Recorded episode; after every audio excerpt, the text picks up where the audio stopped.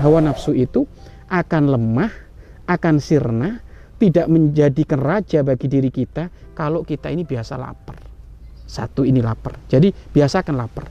Kemudian yang kedua, yang kedua, setelah kamu lapar, maka sibukkan diri kamu dengan hal-hal yang baik. Dalam 24 jam itu kita bikin program, semuanya program yang padat untuk kebaikan. Jangan dikasih celah untuk untuk kita melakukan hal-hal yang nggak manfaat. Karena di situ nanti hawa nafsu akan akan bergejolak. bergejolak lagi. Hawa nafsu itu sama ulama di, diumpamakan seperti hanya kuda liar. Kalau kita menemukan kuda di hutan, bagaimana beringasnya itu kuda. Dan untuk menangkap dia susah. Bahkan di saat ditangkap pun untuk dijinakkan susah. Tapi bagaimana pawang-pawang kuda itu untuk menjinakkan mereka? Sangat mudah. Nggak dikasih makan, dikasih beban yang berat. Setiap hari dikasih kerjaan terus. Akhirnya lama-lama jinak itu. Sama. Hawa nafsu itu kayak kuda liar.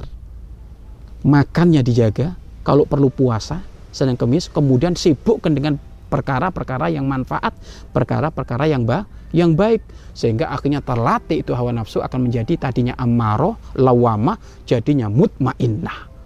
Karena tadi itu lapar terus lapar terus lapar terus. Bahkan ada satu cerita.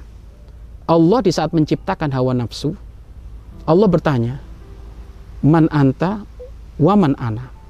Hawa nafsu siapa inti, siapa saya? Hmm. Apa kata hawa nafsu? Inti inti saya saya. Loh, jadi dari awal diciptakan nafsu itu kurang kurang ajar. kurang ajar. Kan gitu kan. Semuanya makhluk diciptakan oleh Allah man anta wa man ana, semuanya mengatakan engkau adalah Tuhanku. Hmm. Engkau yang menciptakan jagat raya ini, tapi giliran hawa nafsu ente-ente saya-saya. Akhirnya oleh Allah diadab tuh. Diadab, disiksa, ada di neraka berapa ribu tahun disiksa. Akhirnya dibangkitkan lagi, man anta wa man ana, tetap dia ngomong tetap. Akhirnya disiksa di di apa ya? Disiksaan kedinginan neraka yang paling dingin. Tadinya kan panas. Ini ini Sebaliknya. Sebaliknya, dingin itu kalau dingin sekali itu kan nyiksa. Hmm. Kalau kita berada di tempat yang sangat dingin itu, masya Allah kulit kita pecah-pecah, iya, bibir kita sama -sama pecah, sama-sama nyiksa.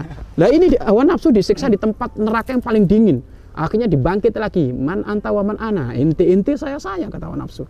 Akhirnya coba nggak dikasih makan, nggak di, gak dikasih makan, nggak dikasih kenyang, dilaperin, dilaperin terus itu hawa nafsu, dihukum, nggak dikasih makan oleh Allah. Akhirnya man anta wa man ana, anta rabbi wa ana abduka. Engkau Tuhanku aku, aku adalah hambamu.